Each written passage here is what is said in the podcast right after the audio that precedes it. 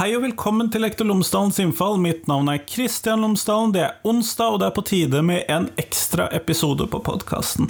Det er da selvfølgelig fullføringsreformen som det handler om i dag også, og jeg snakker med Grete Melby om uh, fullføringsreformen, om uh, perspektivene på yrkesfag og hvordan det hvilke følger denne reformen vil ha for yrkesfag. Vi snakker om distriktene, vi snakker om de elevene som kanskje ikke får til skolen så godt, osv.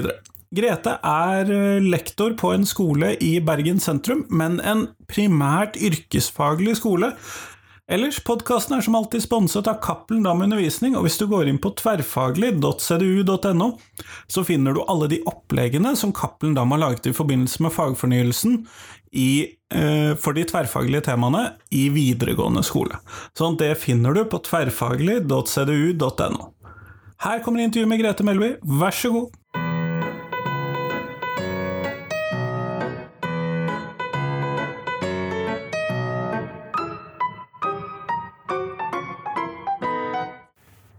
Grete Melby, tusen takk for at du tok deg tid til meg i dag. Ja, veldig hyggelig å bli invitert. Før vi starter selve intervjuet, så hadde jeg håpet at du kunne fortelle lytterne mine tre ting om deg selv, sånn at de kan få bli litt bedre kjent med deg. Ja, og da tenkte jeg at det første jeg skulle si er jo at jeg er ikke en halvstudert røver, jeg er en, overstudert eh, røver.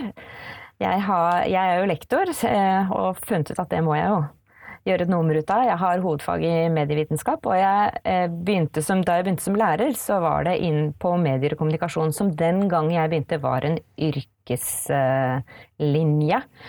Og det betyr at jeg har min praktisk-pedagogiske utdanning som yrkesfagslærer. Men så er det jo sånn at eh, så skjer det en omstilling da. Det ble om, medier og kommunikasjon ble gjort om til en studiespesialiserende eller forberedende eh, linje. Uh, og da kuttes det jo i antall timer i programfag, sånn som jeg husker det, og samtidig som klassene blir større. Og da blir det mindre behov for uh, lærere. Og da, eh, kastet, altså, og da havnet jeg rett og slett sammen med kollegene mine i en overtallighetssituasjon. Og da bestemte jeg meg for å ta videreutdanning. Så da tok jeg eh, videreutdanning i norsk. Jeg endte faktisk opp med å ende, eh, få nei, 90 studiepoeng i nordisk, fordi jeg begynte på to ulike studier. Eh, og så tok jeg historie. 60 studiepoeng i historie i tillegg. Og så har jeg også holdt på med sånn utdanning mens jeg har eh, vært medielærer, bl.a. i entreprenørskap eh, i skolen, 30 studiepoeng, og i mindfulness, som jeg videreutdanning innenfor mindfulness, som veldig nytt, er veldig nyttig for meg å ha. Så jeg har mange fag, mange studiepoeng, og har meldt meg på et nytt fag nå til høsten, i bedriftsøkonomi. Ja, Man kan jo ikke slutte å studere? Man kan ikke slutte å studere. Eh, hvert eneste studiepoeng blir jo mindre verdt, da. jo flere man får. Og man får jo ikke noe mer penger ut av det, men man blir veldig Det er veldig gøy å studere, syns jeg. Mm. Så det var den ene tingen. Den andre tingen er at jeg er veldig interessert i teater. Før jeg ble eh, medielærer, så jobba jeg innenfor kunst og kultur. Sånne, sånne små fri teaterprosjekter. Altså innenfor sånn fri scenekunst mye, og innenfor samtidskunst. Eh, og da gjorde jeg eh, produksjonsjobber. Koordinering, prosjektkoordinering og ko produksjonsjobber. Så jeg hadde det økonomiske og administrative arbeidet primært sett, da jeg hadde veldig, kunne vel jobba mye med budsjett og sånne ting. Det gjør jo at jeg er interessert i samtidskunst, eh, i eh, scenekunst. Gjerne den sære. Den derre, du vet, eh, kunstner bæsjer blå maling ut av rumpa. ja, de treffer nyhetene godt, de kunstnerne. Ja, det gjør de. Og de har jo Det, det er jo en større sammenheng enn akkurat det. som kanskje ikke når fram til folk. Men ja, jeg kan være en uh, talsmann for uh, den type kunst. Uh, og det tredje jeg skulle si, det er at jeg driver og samler inn penger til en skole i Bekadalen i Libanon. Det er et prosjekt som Solfrid Raknes også holder i, eller samarbeider med MAPS, som er en, en flyktningleir i Bekadalen i Libanon for syriske flyktninger. Og hun er jo psykolog og har vært på podkasten din, så vidt jeg vet. Det har hun. Ja. Men da selger du sånne små Bernie Sanders-dokker, er det ikke det? Ja, det begynte jo med det. Fordi eh, jeg syns jo det var veldig artig med disse Birdie Sanders-memesene. Jeg, jeg, hadde faktisk en prat med Solfrid i går om det. At eh, jeg tror kanskje at det som jeg likte med det, var jo at selv om jeg er interessert i det spektakulære, det vakre og den, eh, liksom den scenekunsten som Altså det teatrale eh, og seremonier eh, og sånn, sånn som innsettelsesseremonien jo var, ikke sant, med dette diktet til Amanda Gorman og at disse eh, presidentfruene om herrene og sånn hadde riktige klær og farger. Altså det var et veldig vakkert eh, arrangement på alle mulige måter. Så lekte jeg veldig godt uh, dette bildet av uh, denne hverdagspolitikeren som kom der i den brune jakka si med en sånn brun konvolutt og de vottene han alltid bruker. Uh, og kanskje hadde som jobb å være publikum, og så skulle han gjøre noe etterpå. Eh, og eh, ja, jeg liker den derre eh, Det er jo det, i hverdagen det politiske arbeidet egentlig foregår. Ikke i disse store seremoniene. Så jeg syns det er en hyllest til det. Og så skjedde det at jeg liksom bare delte på sosiale medier da, Solfrid, kan, vi, kan de hekle sånne? For det var en eller annen dame i USA som hadde hekla en sånn en. Og så skjedde det at eh, hun sa ja, det kan vi sikkert gjøre. Og så det, sa jeg er det noen flere som vil ha, så kan jeg liksom ta, ta, på meg ansvaret for det. Da så jeg jo ikke for meg at det var, skulle være eh, nærmere 600-700 mennesker som var interessert i det. Ja, ja. Første uka så var jeg helt over meg av begeistring for at jeg hadde klart å samle inn um, 15 000 kroner, men nå nærmer vi oss faktisk 500 000. Det er penger, det. Da begynner det, det, å ligne på noe. Det er veldig mye organisering og administrering, og jeg stresser fryktelig med for det, det å drive, og sende sånne dukker i posten og sånn, vet du, plutselig så blir det feil, og får noen tilbake og noen får ikke, og ja, nei. Eh, så her, jeg har en liten ryddejobb å gjøre, å finne ut av hvem som har fått og ikke, som jeg skal gjøre nå den helga her. Jeg ser jeg skal putte en lenke til dette prosjektet ut i shownotesen, i tillegg til alt som har med det vi skal snakke om i dag å gjøre. Mm. Mm. Eh, men, det og, og, det som er temaet i dag, og grunnen til at jeg snakker med deg i dag, er jo fullføringsreformen, eller stortingsmelding 21, som eh, kom nå for et par uker siden, og som, hva skal vi kalle det, har slått ned som en bombe, er vel det nærmeste uttrykket som kan fungere her. Og hvilke tanker har du rundt den debatten vi har hatt om stortingsmelding 21 så langt? Eh, jeg har eh, Altså, når den kom, så ble jeg jo bare helt matt. Eh, det må jeg jo bare si. Da, og da følte jeg at her er det tut og kjør, altså. Fordi vi nå har vi, og dette har jo mange andre sagt også, nå holder vi jo på med fagfornyelsen. Eh, og eh, jobber ganske mye med det. Og så holder vi også på midt i en pandemi. Eh, på min jobb så har vi jo på den siden så har vi sagt hva har vi kapasitet til å ta tak i. Sant? Vi skal planlegge undervisning på rødt nivå, gult nivå, sånn og slik, og fram og tilbake. Og flytting av eh, elever som skal ut i YFF-praksis fordi bedriftene kan ikke ta inn elever osv. Mye styr med det. Og så, samt, og så, har vi Jeg har vært kjempeheldig. Jeg har noen kolleger Jeg underviser i norsk og samfunnsfag på, på TIP eller på PIN, da, som heter produksjon og industriteknikk, og så på kjøretøy, altså de som skal bli bilmekanikere. Så der, eh, det har vært litt ok, for vi har liksom klart allikevel å samles og snakke litt om ok, men hvordan gjør vi det til eh, neste år? Fordi vi, eh, det kommer nye læreplaner, og vi vi ønsker jo å klare å yrkesrette fellesfagene på en mye bedre måte, så vi har klart å sette oss ned og diskutere da, ok, hva ligger det i læreplanen i dokumentasjon og kvalitet f.eks. når eleven skal eh, kommunisere med kunder, når det står det i kompetansemålene. Altså ok, hvordan kan vi flette dette inn i norskfaget? Eller når det står eh, i at de skal Eh, i dokumentasjon og kvalitet igjen, eller i vedlikehold, som er den andre læreplanen på PIN. Eh, forstå eh, partene i arbeidslivet osv. Hvordan kan vi koble det til samfunnsfagen. Så vi holder liksom på med det, og så må vi huske på alt mulig annet. Altså, og så kommer dette her. Midt oppi det, rett før påsken, hvor jeg egentlig var litt klar for å eh, sone ut og ikke tenke på dette her. Så jeg opplevde det litt som en sånn bang! Uh, og ble jo da litt fyrt opp, det må jeg bare si. Men eh, ja ja, det har jo oss i, fått oss til å sette ræva i gir, da. Jeg. Um, og det er mange ting jeg har tenkt med den fullføringsreformen som handler sant, I debatten, og spesielt på Twitter og i sosiale medier, og sånn, så går jo ordskiftet fram og tilbake, og kanskje blir det litt uh, hardt. Det blir det gjerne. Eller kort, ikke sant. Og spissa. Uh, men veldig mye av innvendingene som har kommet, har på en måte bare blitt besvart. Ja, men dere må lese uh,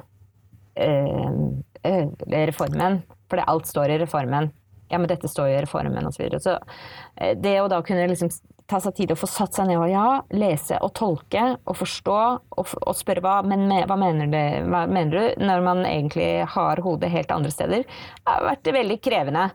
Så eh, jeg forstår jo at det får en minister eh, som hun Guri Melby eh, vi er ikke i slekt, forresten.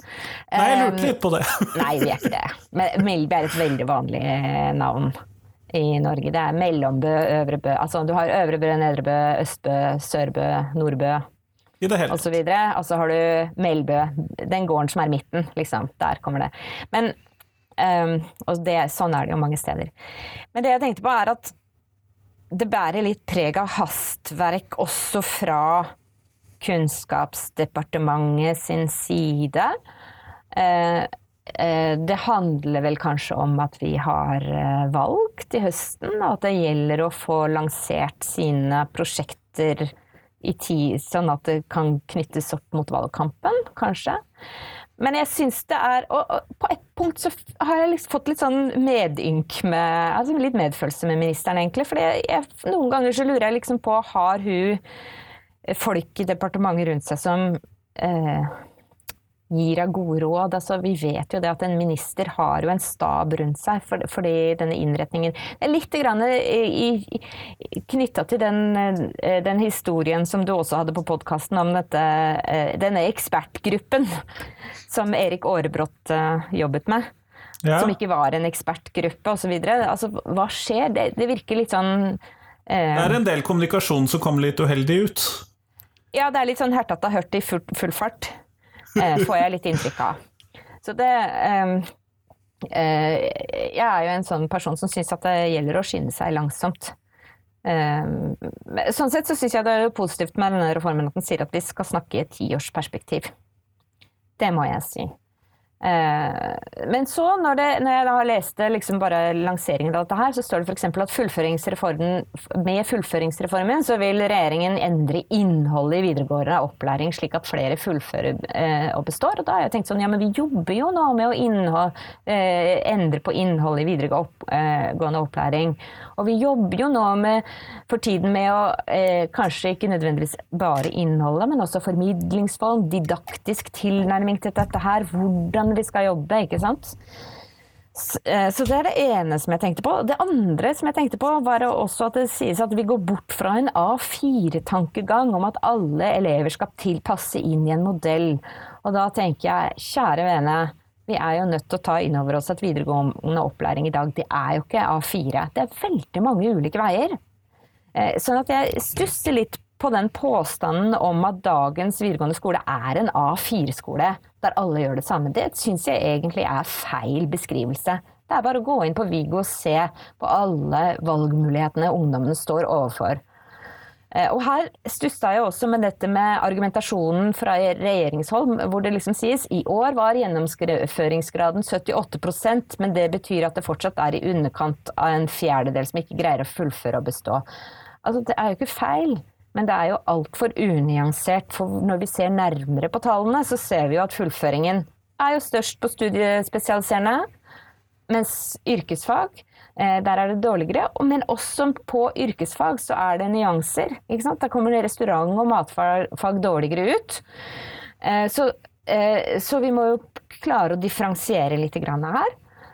Og så mener jeg også at vi må reflektere over hvordan vi tenker og det er da jeg tenker at sosiolog Kristoffer Vogts innspill, som egentlig kom for kjempelenge siden, dette at vi, det handler jo også om måten vi teller på, og når vi teller. I Norge opererer vi med en av de strengeste frafallsdefinisjonene. Ikke sant? vi ser på statistikken etter fem år for grunnskolen, men i motsetning til Danmark, som jeg tror var sånn 25 år. altså at de, de, de tenker så, Og da syns jeg det jo er interessant å tenke at denne fullføringsgarantien, den eh, eh, altså det er noe med Vi må gjøre opp en regning Altså når skal vi gjøre opp regning og si at garantien er brutt? Eh, dette er jo på en måte en slags evig avtale Ikke sant? jeg leste Solveig Grødem Sandsson i Aftenbladet som var opptatt av at denne reformen der gir deg jo ikke en vei ut av skolen engang. Du slipper på en måte ikke ut før du har fullført. Eh, som var hennes poeng. Du kan ikke slutte! du kan ikke slutte. Nei, ikke sant? Og da er det noe sånn, ok, med denne reformen da må vi også bestemme oss for hvordan skal vi telle nå? Eh, og hvordan skal vi gjøre opp regningen nå? Det syns jeg også er et eh, tankekors. Men tilbake til det med A4-tenkning. Altså, jeg syns kanskje at det er regjeringen jeg, som legger an til en A4-tenkning om skolen i dag. Eh, og jeg har tenkt litt på hvorfor har vi denne eh, A4-tenkningen om uh, videregående. Eh, og det, det, er jo ikke bare regjeringen. Det, jeg syns det er ganske mange i offentlig debatt, i det offentlige ordskiftet, så har en litt sånn A4-tenkning om videregående. Det er litt sånn, Jeg får følelsen av at mange av dem som tenker og mener noe om videregående skole i dag, de tror at videregående skole er slik da de selv gikk på skolen, og kanskje at veldig mange av de som uttaler seg sterkt om videregående skole i offentligheten, det er folk som selv har gått den akademiske veien, og som da på en måte opererer med en førforståelse av at videregående er som eh, de selv har opplevd den, og at det preger deres tankegang, da. Eh, mens eh, Litt fordi mange ropte halloi og sa ja, men skal ikke elevene lære historie lenger nå? Og så måtte jeg si sånn hallo, på yrkesfag har de ikke historie. Det er ikke sånn det er. Ikke sant? Fordi det er det tydeligvis ganske mange som har trodd, da. At sånn er det. Men, men, eh. glemmer man da yrkesfaget i denne debatten? Fordi at Hvis vi da skal se på, hvis vi skal ta den delen av videregående skole som er litt A4, så er jo det nettopp helt vanlig studiespesialiserende som en del av elevene går på. Men den kan man i større grad kalle A4 enn kanskje resten. Men glemmer man resten? Ja, jeg er jo opptatt av at vi Ikke sant. Jeg, jeg, er opptatt av at vi må, eh, vi må, snakke mer om yrkesfag, og det er mange grunner til det, egentlig. Eh, eh, men i år var det jo halvparten Altså på landsbasis så var det jo halvparten som, som søkte yrkesfag av de som søkte på eh, videregående. Og det syns jeg vi skal huske på. Da, da, da, snakker vi om halvparten.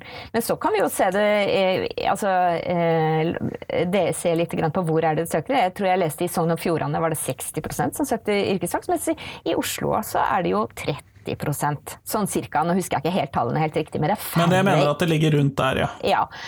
Og da er det noe med at hvem er kommentariatet i offentlig debatt?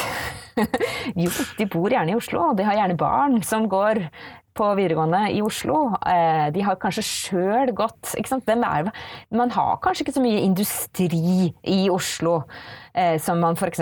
har eh, rundt omkring i distriktene. Sånn at det er jo noe med å, at mange av de som eh, tenker om eh, videregående skole, befinner seg Nei, nå skal ikke være, Det er sånn by og land-diskusjon, selvfølgelig. Men mange av de som befinner seg eh, i liksom i sentral, sentrale strøk, og ikke i periferien. Altså, jeg vil jo mene at periferien er det sentrale og ja. Altså, hva er Oslo, liksom? Et steinkast utenfor, rett unna svenskegrensa. Altså, sånn kan vi holde på. Ja, men du skjønner hva jeg mener. Eh, det er noe der som jeg tror vi må eh, huske på. At eh, yrkesfagselevene er ganske mange i dette landet her. Og spesielt når vi ser ut, ut vekk fra liksom der hvor sentraladministrasjonen sitter, så er, det, er bildet annerledes, rett og slett. Ja. Ja, mm. nei, og jeg blir vel kanskje et typisk eksempel på hva skal vi kalle kommentariatet i dette tilfellet. Kommer fra sentrale Østland, har foreldre med høy akademisk utdannelse, jobber i akademiske yrker eller i ledelse, mm. eh, har selv akademisk utdannelse, har gått studiespesialiserende hele veien.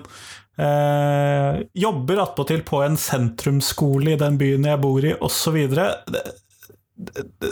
jeg tror at det er lett å glemme yrkesfagene når man kommer fra den posisjonen, da. Ja. Jeg er jo sjøl fra det sentrale Østland, det hører du jo. Men jeg kom til Bergen i ja, 94, tenker jeg. Høsten 94. Rett etter OL. Men jeg er jo også en akademiker. Jeg gidder ikke å si at jeg ikke er det. Eh, jeg kom til Bergen for å gå på Skrivekunstakademiet, faktisk. Som jo på en måte er en slags fagskole. Jeg eh, gikk heldigvis før Karl Ove Knausgård gikk der, så jeg var ikke med på noen av famøse festene og slapp å bli omtalt eh, der. nei, jeg tror at det er noe som vi som er akademikere må eh, har litt sånn eh, bite oss merke i, rett og slett. Altså legge merke til. Eh, det er litt sånn at jeg hadde det som en sånn jeg skal ikke si eksistensielle Nei da. Men når, jeg skulle, når det var en store omstillingssituasjon i mitt eget liv, så var det litt sånn at jeg kunne jo selvfølgelig insistert på at jeg ville fortsette som medielærer, men da kjente jeg jo på at jeg faktisk hadde likt meg veldig godt på Laksevåg videregående skole, fordi det var en kombinert skole. Og jeg likte, jeg likte Eh, dette at vi hadde elever som gikk på elektrofag og på TIP og osv. Slik at det, eh, da var det egentlig sånn at jeg tok et valg og tenkte nei, vet du hva, jeg har lyst til å fortsette på en, eh, på en kombinert skole. Og var kjempeheldig som fikk anledning til å få lov til å jobbe på Årstad videregående skole, som også er en sentrumsskole. Men den er primært en yrkesfaglige, eller vi har Det er ikke sant, for vi er jo en uh, kombinert skole, men de Du kan si de, eh, den, de har ikke så store studiespesialiserende. Vi har én linje, klasse for, altså en linje, en linje som er rent studiespesialiserende, og så har vi én kunst, design og arkitekturlinje. Og ellers så har vi alt, altså. Eh, fra eh, design og håndverk eh, til eh, elektro, til barne- og ungdomsarbeidere, helsefagarbeidere osv. Så, så her hos oss, og blomsterdekoratør altså det, det, er så mye som du kan Du kan alt fra kjole og drakt til til elektriker, til helsefagarbeider, til eh, å få sveist eh, Stå på sveiseverkstedet, til bilmekaniker. Altså vi har et ekstremt mangfold, da, eh, faglig på skolen vår. Men det har vært veldig gøy. Eh, eh, men jeg må si det at eh, om den skolen jeg har begynt å jobbe på nå, så var det litt morsomt fordi, fordi det er en yrkesfagskole, så fikk jeg også litt tilbakemelding. Vil du jobbe der? Er ikke det veldig tøft? Altså, det er jo noe med at den, den skolen har hatt litt sånn lavstatus blant disse eh, skolene. Det var veldig gøy. Jeg så på Langhaugen-revyen, f.eks., så hadde de en sketsj om Årstad videregående skole. Uff da. ja. Eh, eh, det er litt sånn, Jeg har barn sjøl som går på Langhaugen, altså jeg gjorde litt narr av de når de kom hjem og sa ja, så er det sånn dere tenker. ja. Men, men ja. når vi da ser på disse, fordi at det, debattene har jo da gått om hvordan vi skal innrette fellesfagene på studiespesialiserende, men i veldig liten grad om tilsvarende fag på yrkesfag, bortsett fra at man kanskje har glemt at uh, noen fag rett og slett ikke er der. Mm. Mm. Hva tenker du om det? Tenker, ja, nei, det er det jeg tenker at det, eh, den debatten er eh, litt øh, Det er litt rart, egentlig. Eh, vi har jo nettopp nå, når dette fremtidsfaget, som jeg nå har skjønt er avblåst Eller var det siste jeg leste? At eh, nei, ja. Da når jeg leser det, så er det jo samfunnskunnskap. Ikke sant? Eh, og på den studiespesialiserende linja vi har, så underviser jeg også i entreprenørskap og bedriftsutvikling. Vi har det som programfag. Det og markedsføring og ledelse. Og design og bærekraft det er det, det på en måte linjene som på en måte vi i hvert fall tilbyr. Eh, og da tenkte jo jeg med en gang at ja ja, eh, du vet det finnes et eh, gammelt eh, jungelord for lærere, og det er at det finnes ikke den eh, læreplanen jeg ikke kan tilpasse min undervisning. Eh, Nei, og det og, kan jeg jo se for meg at du ville klart her. ja, og da ville jeg tenkt sånn derre okay, ok, nå skal vi få samfunnskunnskapslæreplanen, da. Eh, men eh, med noen ekstra kompetansemål, kanskje, om entreprenørskap og ja, slike ting. For det er jo framtid osv. Og, så og det ville jeg kunne, kunne nok ha innretta på, for å si det sånn. Det vi, har jo, vi har jo allerede hatt en strukturendring på yrkesfag med det at uh, istedenfor at vi har to timer i norsk på første klasse og på andre klasse, så uh, tar man all norsken på VG2, f.eks. Og så tror jeg det er engelsk man skal ha på VG1. Det stemmer. Eh, ikke sant? Og det, har, det, er jo en strukturell endring vi allerede har hatt. Ikke sant? Um, og hvor vi har diskutert på vår skole da, ja hva gjør vi med de elevene som uh, er uh, fremmedspråklige? Av ulike grunner. Skal ikke de ha noe eh, Hvordan skal vi eh, hjelpe dem med ekstra oppfølging? For de vil jo trenge eh, oppfølging, språklig oppfølging. Og det er jo greit at det er et felles ansvar at elevene skal lære å lese og skrive norsk. Det er jo ikke bare noe norsklærerne skal drive med. Men det er allikevel ikke sånn at vi kan ikke overlate det til eh, sveiselæreren, på en måte, og lære en som har kort botid i Norge, å eh, forstå seg på norsk eh, grammatikk. Eller finne ut av hvordan man eh, ikke sant? Så der, der eh, Jeg, jeg veit ikke helt. Jeg syns jo ikke det er en, en problemstilling som er blitt eh, diskutert en gang. At, at vi allerede har hatt en strukturell endring i, i, på fellesfagene eh, fordi du har Eh, bestemte fag. Og det, det, er jo fordi vi skal ha dybdelæring. Altså man skal få tid til å fordype seg i det ene. Og, og når, jeg, når, det er sagt, når det gjelder eh, eh, frem, elever med kort botid, eller som har en annen bakgrunn enn norsk, og som kanskje ikke er like god i norsk, så er det en ting som jeg eh, savner i den eh, reformen. Det er jo det at én ting er at elever kan ha egen læreplan i norsk fordi de har kort botid. Men engelsk det skal de bare fikse. Lett som en eh, plett. Og jeg møter jo ungdom i dag som eh, aldri har hatt engelsk før. Nesten ikke kan norsk, og så står engelsklærerne der og tenker sånn ok, hvordan skal vi klare dette? Fordi det bare forventes at de skal kunne engelsk på samme nivå som fra tiende klasse. Og der finnes det jo fritaksordninger osv., men hvis vi skal tenke oss at vi skal være kvalifiserte i samfunnet i, i framtida, så må vi jo forstå at engelsk er også et språk som vi må mestre. I, eh, i det norske samfunnet. Så, så, der er det jo Blant annet der så mangler det eh, Syns jeg det mangler en refleksjon eh, rundt dette med fellesfag, f.eks. Eh, er, det, er det sånn at kanskje ikke alle trenger engelsk da, i det norske samfunnet? Eller vil du komme til kort på en um, arbeidsplass hvis ikke du skjønner instruksjoner på engelsk. Eller kan gi dem, hvis du er i norsktrent eh, og har norsk fagbrev og skal gi beskjeder til andre ansatte som ikke kommer fra Norge, og som ikke har utdannelse fra Norge, f.eks. Ja, ikke sant. I byggebransjen så har jo dette her vært en, en ganske stor diskusjon om hvilket arbeidsspråk man skal ha, ikke sant.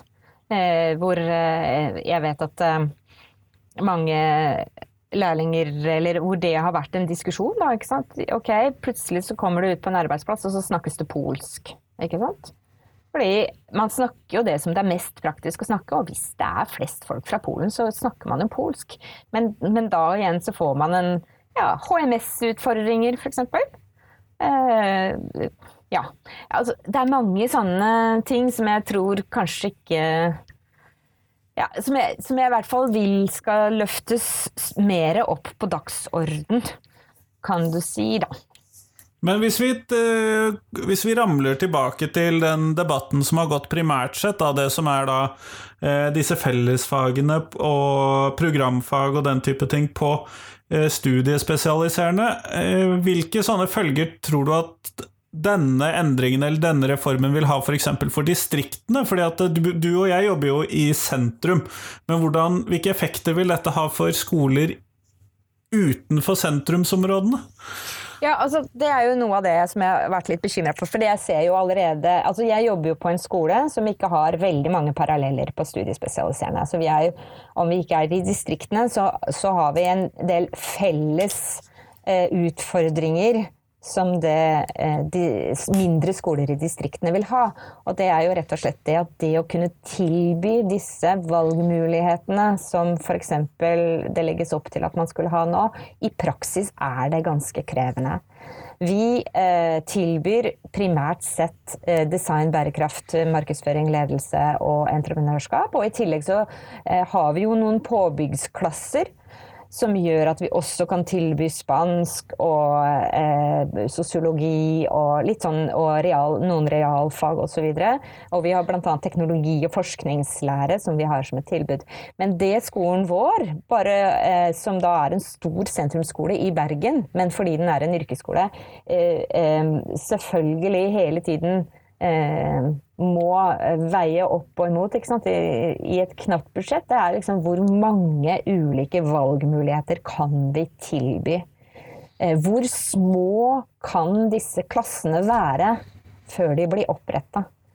Og her er det litt sånn at jeg tenker at spesielt for skoler i distriktene hvor, som er mindre, så vil jo denne utfordringen absolutt um, um, melde seg. Altså kan, har, du, har, en skole egentlig økonomi til å opprette et, et, valg, et, et programtilbud eller et fag hvis det er bare fem elever som velger det? Eller vil vi da havne i den situasjonen at elever ikke kan velge det faget, for det er ikke på tilbud fordi vi har ikke penger til det? Og det tenker jeg at Eh, her tenker jeg liksom, Hva er løsningen på det? Altså, her er det jo, man kan jo si sånn, ja, men da kan man lage nettbaserte løsninger osv. Og, så og det tror jeg eh, I noen tilfeller så kan det være veien å gå. Eh, det gjøres jo allerede. ikke sant? For elever som vil velge helt spesielle ting, så kan du velge nettbaserte. Men det er jo for eh, Da må du ha ekstremt motiverte elever som fikser dette med nettbasert. Eh, Litt sånn som kinesisk-tilbudet som man hadde i Bergen, kommun, Bergen kommune og Hordaland fylkeskommune, da? Ja, og også på Jeg husker også på eh, eh Det ble tilbudt et tilbud med, for tiendeklassinger fra fylkeskommunen om at de kunne ta eh, VG1-matten. Altså flinke tiendeklassinger kunne ta VG1-tilbudet i matte eh, via nettskole. Og selvfølgelig eh, så er jo det supert tilbud, men det er ikke sånn at alle elever som er kjempegode i matte, likevel vil mestre en, en uh, internettbasert uh, undervisningsform, uh, da. kanskje spesielt ja, altså, er du med? Altså, det er noe med at selv om du er veldig flink i et fag, så betyr ikke det at du fikser den måten å lære på. Så um, jeg sier ikke at det, ikke det kan være en løsning, men jeg tror liksom ikke det er en bankers løsning for alle. Uh, og at uh, spesielt uh, at dette, denne måten å tenke på vil også altså Jeg vet at skoler i distriktene allerede har utfordringer med å kunne tilby alle de valgfrie programfagene vi har i dag. Og den situasjonen vil ikke bli enklere for skoler i distriktene. Uh, framover med denne modellen. Altså, der må det mye penger til, for å si det sånn. Og det ja, og... er jo noe av poenget her. Det, det, er ikke sånn at mange har veldig lyst til å altså, Det er ikke måte på hvor uh, ambisiøs man kan være på visjoner. Men når, men når pengene skal blase opp, så er jo ikke situasjonen Da er man liksom ikke så ambisiøs med lommeboka. Nei, og man blir jo en veldig dyr lærer da, hvis man skal undervise fem elever i historie eller i religion på Eh, Indre Gokk skole. ja. ja. Eh, men, er, men, da må man også se skolen litt eh, som institusjon i samfunnet. For man kan ikke bare tenke at eh, Nei, jo Bergen har jo gjennomgått en stor eh, i fylke, Hordaland fylkeskommune og Bergen. Eh, og nå er det jo Vestland fylkeskommune. Vi har jo gjennomgått en stor strukturell endring med det. At vi har fått større enheter.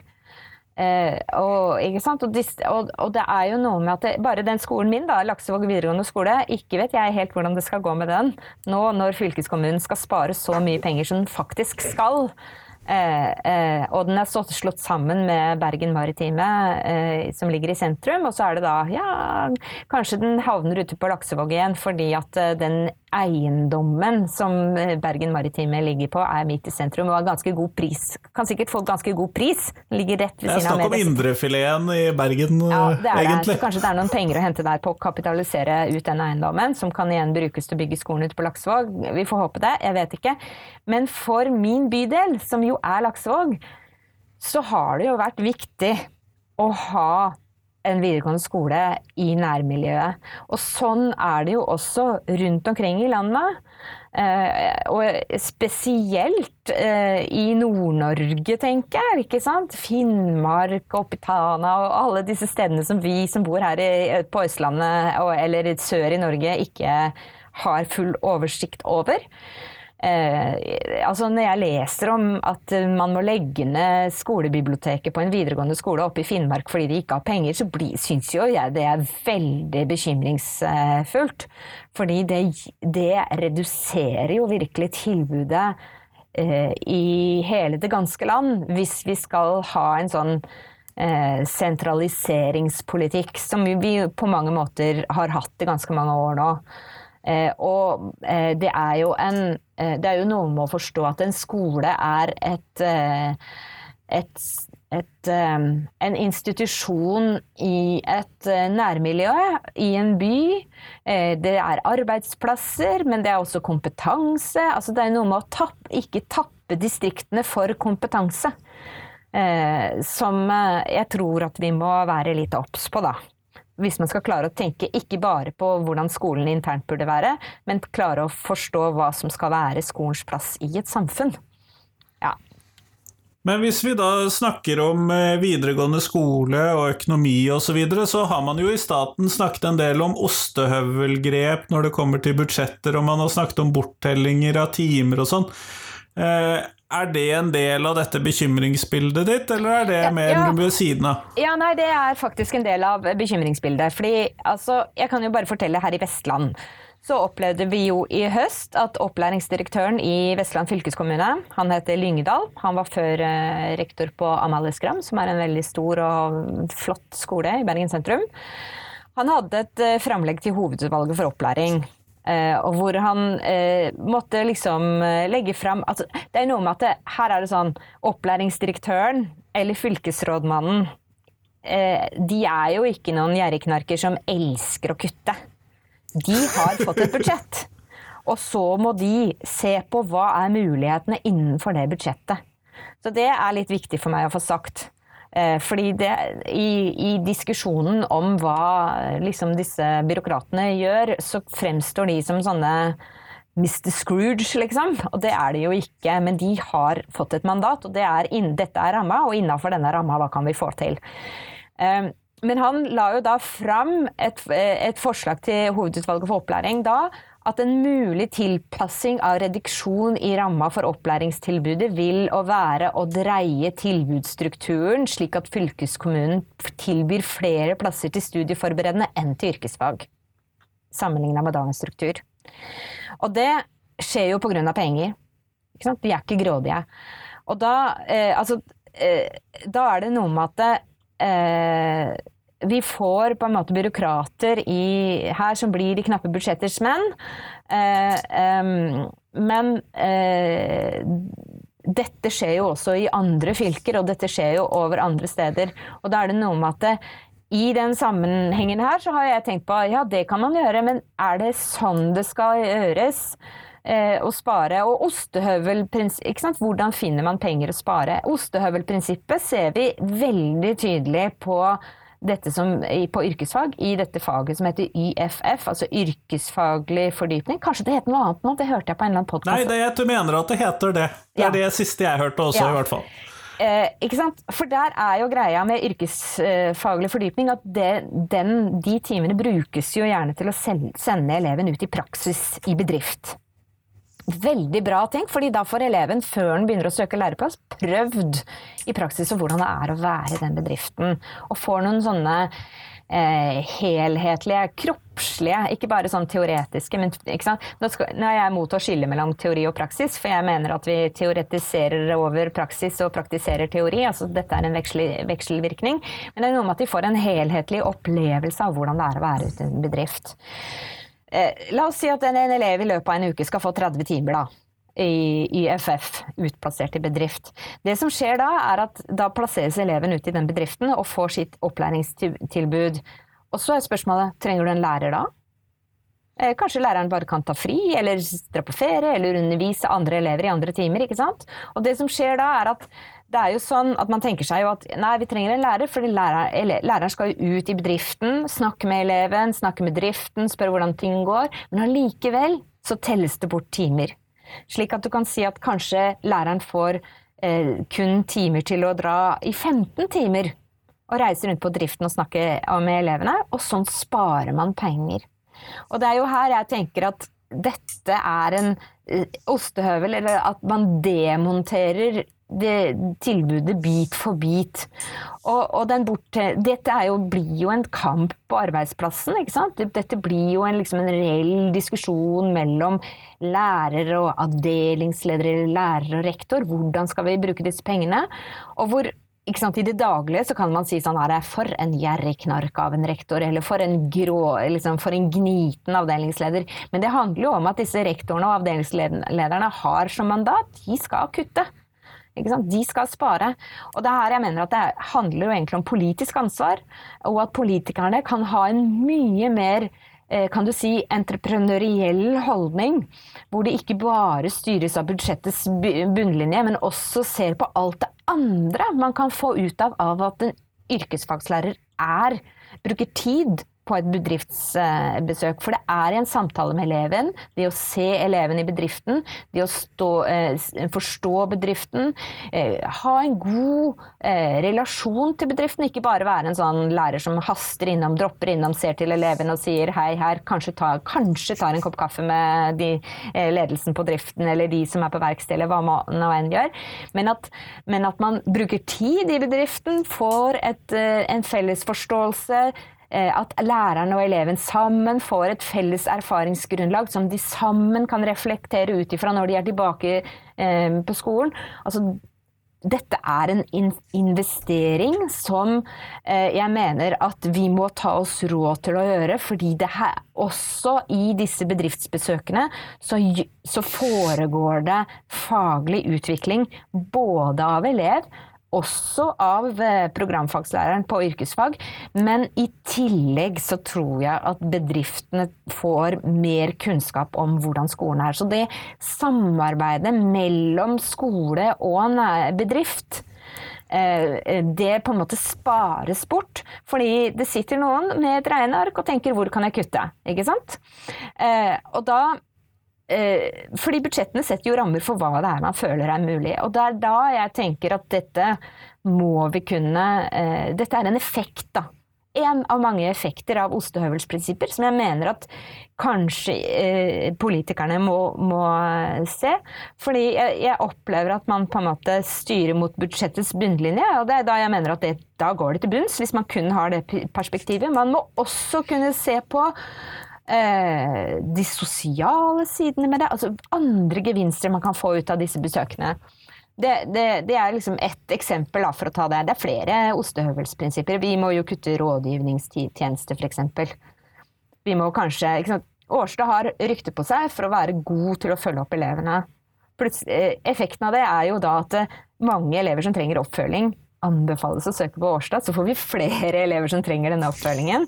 Og, og så blir det nesten sånn at vi sier sånn Men da må vi egentlig bli litt dårligere, så ikke vi får alle disse elevene. Fordi vi har ikke råd. Altså, det er noe med den, de mekanismene der som jeg tror er eh, som er resultatet av ostehøveltankegangen all, og, og det, er ikke, det, er ikke, sånn at det er noen mennesker som vil være slemme her, men det er liksom en mentalitet og en tankegang og en, eh, en hverdagslig eh, Man prøver å gjøre så godt man kan i hverdagen, som, som har en negativ effekt, da. Ja.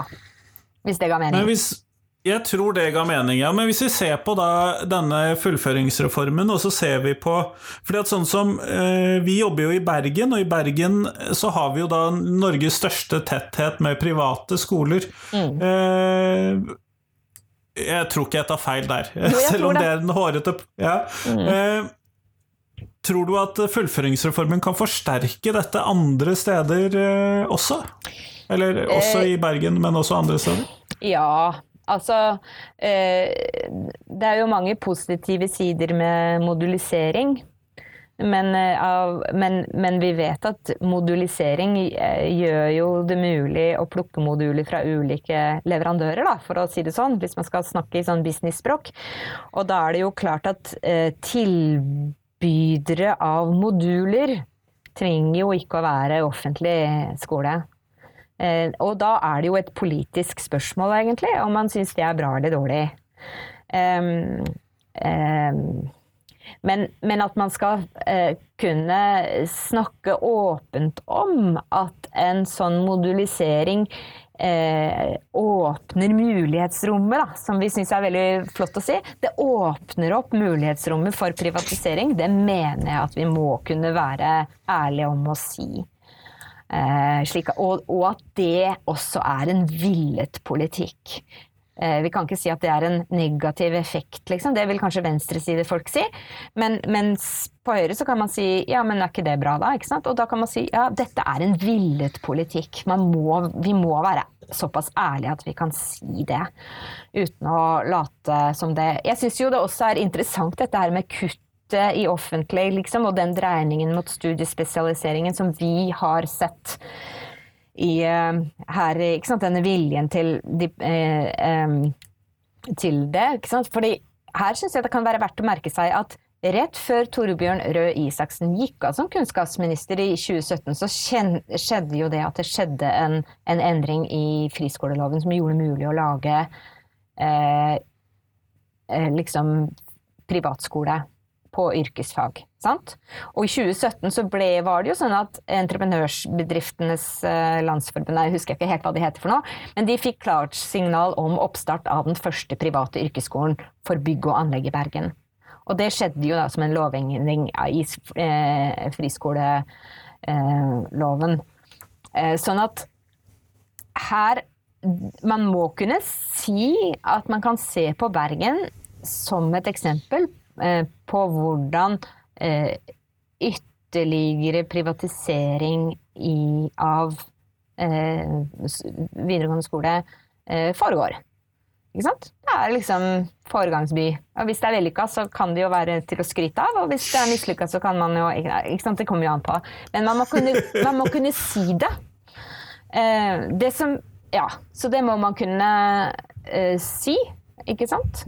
Hvis man bor i langt ute i Goko distrikt og sånn, da, så hvordan skal man få den ene modulen med det faget man helst vil ha, og så går man på en nettskole, da. og så kjøper man det der. Altså, det er noe med ja, hvordan dette her eh, Man må kunne si det, at det er mulighetsrommet åpner for det. Eh, ikke, ikke late som det ikke er sånn. Men hvis jeg da sier at uh, fullføringsreformen er en individualiseringsreform i videregående skole, hva, hva tenker du om den påstanden? Uh, ja, altså det står jo, altså, her er det jo sånn at det understreker jo at endringer altså Dette er jo endringer hvor skolen skal tilpasse seg eleven. Nå vil jo ikke jeg si at individualiseringen eh, skjer med denne reformen, for den har foregått veldig lenge. Um, uh, vi fikk jo ikke sant, eh, denne opplæringsloven med tilpassa opplæring, f.eks. Uh, jeg syns jo det er bra på en måte, at vi skal se individet. Og ikke bare behandle alle likt. Og tilpassa opplæring er jo ikke spesialundervisning, det er det at vi skal se den enkelte. Så, så, men at den forsterker individualiseringen, det tror jeg altså det går i en individualiserende retning, det er det. Jeg syns at vi må kunne eh, tørre å snakke om Det er en sånn teit ting å si. Vi tør ikke å snakke om. Eh, eller ingen tør å snakke om. Når jeg har venner da, som sier sånn der, eh, ingen tør å snakke om ditt og da, så sier jeg jo det er det, du må bare høre etter. Så utfordringen med individualiseringen eller kan vi kalle en spade for en spade og si det som er problemet, det er å finne tid og ressurser til å gjøre denne tilpassa opplæringen. Det, det, gjelder å finne penger til å sette til ekstralærere der det trengs. Det finner mulighet til det som eh, mulighet til å finne ressurser til de som trenger mest tid. Altså der er det litt sånn. Det er det ene. Eh, det andre For å si det sånn, i norsk underviser jeg nå etter to læreplaner samtidig. Norsk og norsk for kort botid. Og det må, betyr at jeg må til dels gi egne opplegg eller vurdere elever med kort botid på en annen måte. Når jeg, når, jeg har vurderingssamtale med eleven, så må jeg si noe annet eller legge vekt på andre ting. Eh, eh, her kjenner jeg hele tiden på følelsen av å komme til kort. Og samtidig som jeg tenker sånn, ja, men jeg har de rammene jeg har, og jeg kjenner de begrensningene jeg har. Eh, her uh, ligger det jo også i denne reformen at elever med svake norskferdigheter, da, eller for å si bare for å ta det, så er det litt sånn at det legges vekt på at disse skal få ekstra støtte og sånn, og det er kjempebra at skolen har en plikt til det, men med den plikten må det komme penger. Hvis ikke så Altså, vi kan få veldig mange plikter, men hvis ikke det kommer verktøy til å gjøre pliktene Det er litt sånn der, du har en plikt til å vaske gulvet, og det skal du gjøre med tunga, ikke sant? Det går jo ikke. eh, eh, ja. Så, så dette her med individualiseringen, eh, det eh, syns jeg jo eh, vi skal i hvert fall være litt oppmerksom på at det er litt sånn Også fordi eh, jeg har jo møter jo vi står på en måte i en dobbeltrolle, vi som er lærere. Vi skal se enkeltindividet, men så skal vi se hele læringsfellesskapet. Eh, det er jo et perspektiv en noen ganger opplever blir borte i debatt, offentlig debatt. Det er litt sånn derre eleven skal være i sentrum. Ja vel. Eh, som eh, skal spille en rolle. Det er nesten så, jeg tror jeg tenkte på det litt fordi jeg har vært teaterprodusent. Da. Det er litt sånn eleven er liksom skuespilleren som skal stå på scenen og ha spotlight på seg, og den skal skinne. Eh, men, men, samtidig da så må man jo skjønne at du kan ikke bare kreve å få skinne akkurat som, som du vil. Hvis hvis du, eh, og forvente at det skal eleven gjøre. Hvis på en måte lysmesteren eh, har dårlige eh, lamper, og eh, instruktøren er helt utslitt, og eh, scenografien eh, er slanka bort, og altså rammene må være til stede for det. Det er det ene. Men så er det det at jeg opplever jo også at perspektivet med fellesskap forsvinner litt i offentlig debatt. Og det forsvinner også i møte med foreldre eller psykologer fra BUP eller rådgivere. De, gjerne, de, kommer gjerne til meg og vil at jeg skal se den enkelte elev. Mens det på min måte er, eh, det på min, min måte er å jobbe minne da, mor eller far eller psykologen fra BUP eller rådgiveren om at dette lille individet som vi nå er opptatt av, det inngår også i en gruppe. Og jeg har flere hensyn å ta enn lille Pers behov, da. Det er litt sånn her er det jo noe med klasseforskjeller også. Eh, jeg opplever ofte at norske foreldre er gode til å stå på for krava for sine egne unger. De kan gjerne be meg om et møte. Jeg har hatt møter med foreldre, og hvis den tropper eh, mannsterke opp alle sammen og sitter en time, og jeg tenker liksom hvis vi regner sammen hva timelønna og dette her koster, at vi sitter og hører på denne, denne, disse to foreldrene fordi vi snakker om lille Per, da. Så, så er det Eh, på en måte en, eh, Da gir vi noe til den familien. Men hvis vi tar eh, Og dette er særlig ressurssterke foreldre. Far til Per er ingeniør, og mor er et eller annet i offentlig sektor eller akademiker eller et eller annet sånt. Men hvis vi tar foreldrene til Pjotr, som, der mor kanskje vasker svart i et akademikerhjem, for å sette det på spissen, og far jobber for en underkontraktør på et stort byggeprosjekt, Eh, så har ikke foreldrene til lille Pjotr de samme eh, ressursene til å komme og stå på krava for sine barn. Og da mener jo jeg at det er min oppgave som lærer å også eh, være opptatt av å ivareta hensynet til Pjotr. Ja. Og nå bruker jeg egentlig Pjotr litt som eksempel, fordi akkurat når det gjelder EØS-borgerne sine barn, sine hensyn, så syns jeg det at vi i norsk skole forsømmer oss litt. Det må jeg bare si. Det er noe med at du skal på en måte kunne bare lande på Flesland, komme inn i norsk skole, og så skal du rett inn. Den er, og være ordinær elev? Ja. Eh, det er eh, egentlig en utfordring. Det er ikke så veldig lett å være barna til EØS-borgerne. Det er mye fattigdom. Det, er, det, må ikke være fattigdom, men det kan være mye fattigdom. Det kan være også den der følelsen av midlertidighet. For jeg, skal, jeg har møtt mange elever altså fra EØS som sier sånn Jeg skal bare være her disse årene fordi jeg skal, og så skal jeg hjem, og jeg har ikke noe her å gjøre, og jeg har ikke noe framtid her. Og så plutselig blir de litt sånn i limbo. Jeg er det i Litauen jeg skal ha en framtid, eller er det i Norge jeg skal ha en framtid? Liksom? Eh, litt, der, Der er perspektivet litt annerledes enn for mennesker som kommer her og søker, eh, eh, liksom, søker om å få være her som flyktninger. For de har på en måte altså, Flere av de elevene jeg har fra Syria, de, de har på en måte bestemt seg. Jeg skal aldri tilbake. Det er ikke mulig for meg. Eh, jeg, det er her fremtiden ja, ligger? Det er her, her. fremtiden ligger. Den, det perspektivet har kanskje ikke disse barna til EØS-borgerne. De tenker at jeg skal tilbake, eller ja, videre. Ja, så eh, her er det dette med individualiseringen eh, For å si det sånn, eh, det er noe med at eh, individualiseringen, eh, den dette at vi skal se den enkelte elev, da er det litt sånn at i den individualiseringen så er det ikke alltid sånn at jeg leverer varene til de ressurssterke foreldrene Altså i, i, ressurs, etter forventningene til de ressurssterke foreldrene, så må jeg være litt kjip lærer altså.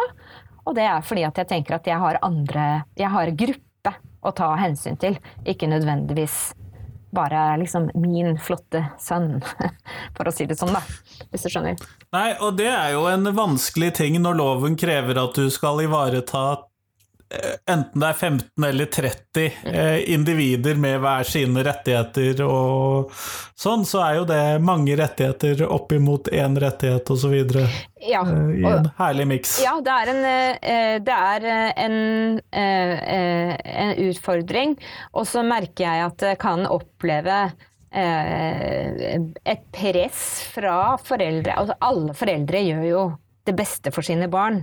Eh, jeg har sjøl vært en sånn mor opp mot skolen til eh, når mine barn har gått, altså. Så eh, guilty as charged. Ikke sant? Sagt til dere min sønn har rett på, eller min datter har rett på. De, det har jeg også sagt. Poenget er at jeg kjenner da Jeg er jo høy akademiker og ressurssterk og kjenner systemet, vet hva rettigheten er osv det finnes barn som ikke har foreldre som er talspersoner for seg. Og de eh, I det, det, hverdagens ubehag så kan det være lett å serve de kravstore foreldrene, og lett å liksom la det skli unna med de eh, eh, Liksom skli unna, fordi du må liksom økonomisere på kreftene dine sjøl også. Og så ender det opp med at det ikke er så bra for de elevene som har minst. Det syns jeg er en vanskelig situasjon å være i. Altså, det syns jeg er dilemma. Det kjenner jeg på hele tiden. Og da kan jeg noen ganger eh, kanskje oppfattes som en litt sånn bitchy lærer på sånne eh, møter med foreldre som stiller krav og sier vet du hva, ditt barn inngår faktisk i en gruppe, og jeg har flere å ta hensyn til enn bare ditt barn.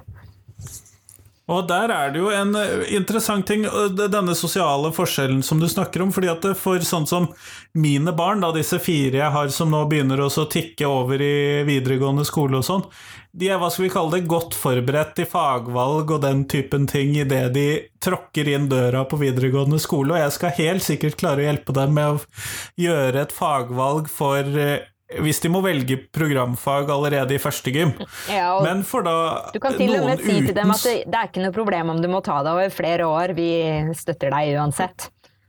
Yes, det kan vi også si, men eh, det å finne fag og gjøre de skoleforberedte hjemmefra, det vil være veldig lett. Men så vil du jo da ha alle disse barna som ikke har denne tilknytningen til skolen i familien. Ja. Det vil jo kanskje forsterkes med dette. Ja, og det um, Ja, eh, det er jo eh, ganske viktig bit av det. Eh, eh, når du jobber på en skole hvor eh, kanskje karakterene ikke er tipp topp når de kommer inn, f.eks., eh, så møter vi jo elever som har noen dårlige skoleerfaringer fra før.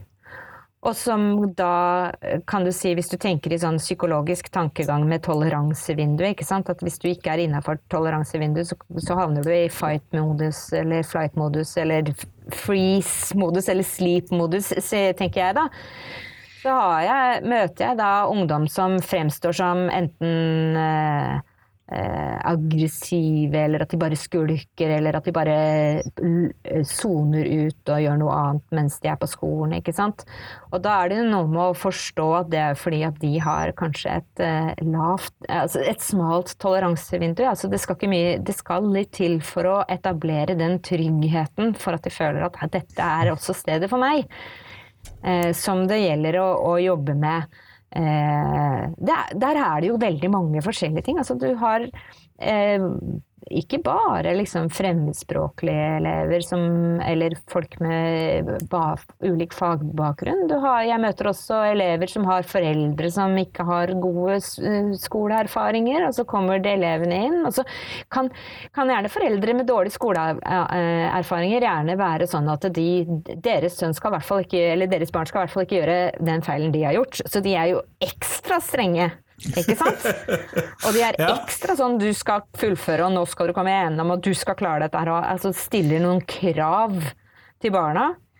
Som vi som er sånne akademikerforeldre, vi, kan, vi er kanskje bedre til å gi ungene våre slakk. Eh, ikke sant? Eh, fordi vi tenker at det ordner seg. Og vi har kanskje økonomi til å si at det ordner seg, men hvis man har strøm og økonomi, og det handler om å komme seg ut i arbeid fort osv., så, videre, så kan man ikke ha det slakket.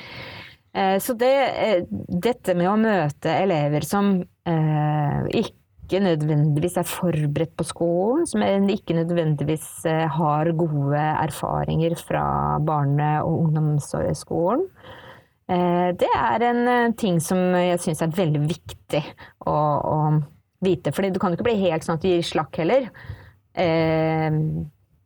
Eller si f.eks. hvis du har elever som ikke følger med i timen, så kan du jo bruke valgfrihet eh, på den måten som er veldig negativ, og si sånn ja ja, det er ditt eget valg å følge med eller ikke, så du gjør velger selv. Det er ditt valg.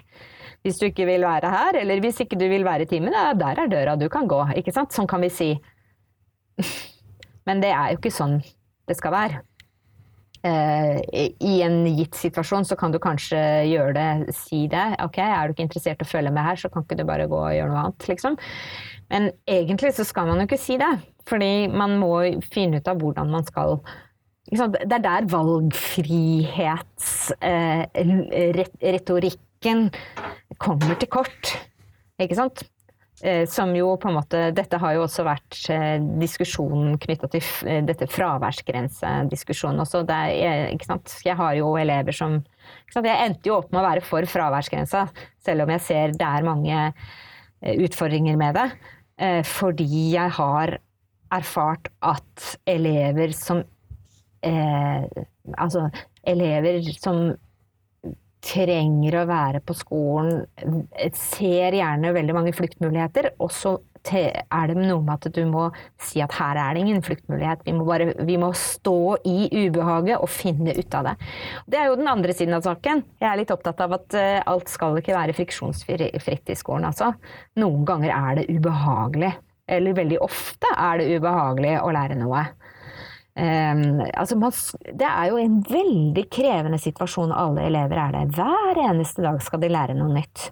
Hver eneste dag så skal det de opplever eh, var en sannhet i går, bli en ny ting i dag. Skal, så, sånn at eh, det å lære er ikke bare gøy og like gøy å jobbe som å danse type ting. Noen ganger så må man eh, se Oi, jeg tenkte feil, og så må man ta den runden. Det er et nederlag, så må man ta den runden, og så må man gjøre nytt. Altså, ja. Og det skjer ganske ofte for de som går på skole. Det skjer jo ofte. De må lære noe nytt. Ja, det må man jo. Ja. Ofte så Ja, vi som jobber i skolen også, selvfølgelig. Men uh, ja. Uh, ja. Det, det, er jo det som er å gå på skole. Det er ikke alltid uh, Det er ikke alltid tipp topp, da. Men um, ja.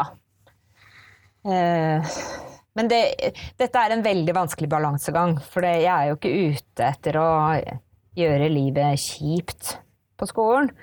Men jeg er ute etter å eh, hjelpe eleven med å finne mestringsstrategier for når det er kjipt. For eksempel mange elever syns det er så kjipt å stå foran klassen og holde presentasjon at de helst vil ha det bare for meg som er lærer. Og da er det dette her med individuell tilpassing og, og fellesskap igjen. Og hvor det, eh, jeg gjør jo det ganske ofte, men jeg mener jo at det er et tap for læringsfellesskapet hver eneste gang jeg gjør det, fordi elever har så godt av å se på hverandre og lære av hverandre. Og ikke minst eh, at man lærer en gruppe til å være støttende for den som står der oppe og eh, presenterer. Eh, og gi eh, applaus eller gi støtte. Og vise oppmerksomhet. Eh, og den dimensjonen forsvinner når du alltid tilpasser opplæringen og sier sånn ok, du syns det er kjipt å stå for andre, det fikser ikke du, nei, da får du holde presentasjon for deg selv. Sånn at man frarøver liksom en felles erfaring hver gang man gjør sånne ting, eh, tenker jeg, da. Eh, som jo også er en viktig dimensjon, da. Så ja, nå var vi tilbake på dette med individualisering igjen. Altså, ja, jeg er litt vanskelig der. Jeg kan av og til si sånn, ja, men det er bedre. Vi, jeg er jo med på den talekonkurransen Ta ordet. Ja. ja. Og der jobber vi litt med det. Det der å klare å stå. Og det er jo nyttig kunnskap. Ja. Det å klare å stå i det når man er dritnervøs. Knærne skjelver, liksom. Det er ubehagelig. Eh, Grete, vi går mot slutten av tiden vår. Det er det vi gjør. Eh, sånn at da skal jeg stille deg det siste spørsmålet mitt, som jeg stiller til alle jeg intervjuer for tiden. Mm. Hva er de tre viktigste tingene skolen lærer elevene? Ja, jeg vil jo at en av de viktigste eh, eh, tingene, som, tingene, som, skolen skal lære elevene, det er at de er i et fellesskap. Eh, og det er jeg jo da litt opptatt av at individualiseringen Kanskje den tendensen svekker, på en måte. Så da er jeg en sånn fellesskaps entusiast. Jeg vil at skolen skal lære elevene å Ja, nei, da er jeg tilbake med dette her. Uh, å forstå at hvis det er noe som er et nederlag, så er ikke 101 ute. Man kan prøve igjen. Det, ikke sant? Man kan like gjerne si at det viktigste skolene, um, skolen skal lære elevene, det er at Eh, det går bra om man ikke er best i alt. Det er viktig å være god i noe. Det er det. Men man trenger ikke å være best i alt. Um, og så mener jeg at den viktigste ja, Veldig viktig, og det har med fellesskapet å gjøre. Jeg ønsker at elevene skal lære å være gode medborgere i et samfunn. Eh, det betyr. Eh, og der er det sånn, det har jo falt ut av den samfunnskunnskapslæreplanen, dette med forholdet mellom arbeidsliv og, og altså arbeidstaker og arbeidsgiver. Det er plutselig det skal liksom ikke eh, elever på studiespesialiserende fokusere på, så da havner det i i programfagene. Men jeg mener at det er veldig viktig. at vi, vi, Jeg tror jo at vi skal jobbe for å ivareta den nordiske samfunnsmodellen, rett og slett. Med hvor vi har trepartssamarbeid osv. Det tror jeg er veldig viktig. Det tror jeg er en veldig vesentlig del av det norske samfunnet. Norsk verdi. Viktig norsk verdi. Jeg, eh, og det at man er medborger. Og da syns jeg at det er veldig bra når vi klarer å få til et godt elevdemokrati.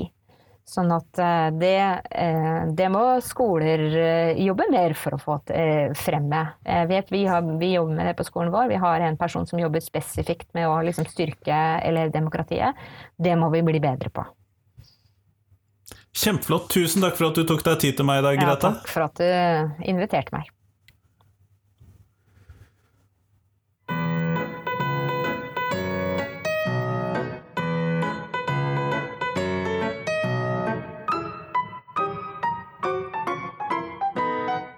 Tusen takk til Grete, og tusen takk til deg som hørte på. Nå er det fram til fredag før det kommer et nytt intervju på podkasten, og da er det en av de vanlige podkastintervjuene som jeg hadde planlagt før regjeringen slapp, hva skal vi kalle det, fullføringsreformbomben, stortingsmelding 21, eller hva vi skal omtale den som. Den mest spennende reformen jeg har sett på lang tid, i hvert fall hvis vi skal tyde på engasjementet ute i Skole-Norge, og ikke minst på Twitter, som er min største kilde til hva skal vi kalle det, innsikt i debatten som foregår. Ellers vil jeg bare minne om at du finner Lektor Lomsdalen med en egen gruppe på Facebook.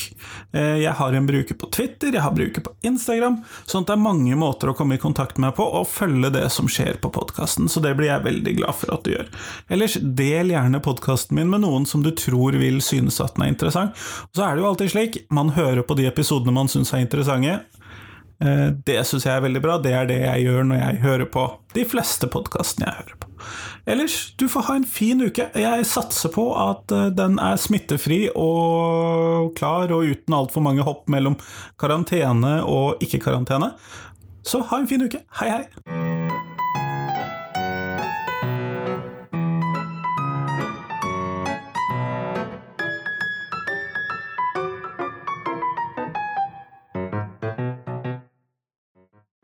Husk det at du kan gå inn på iTunes, podkaster andre steder, og så rate podkasten.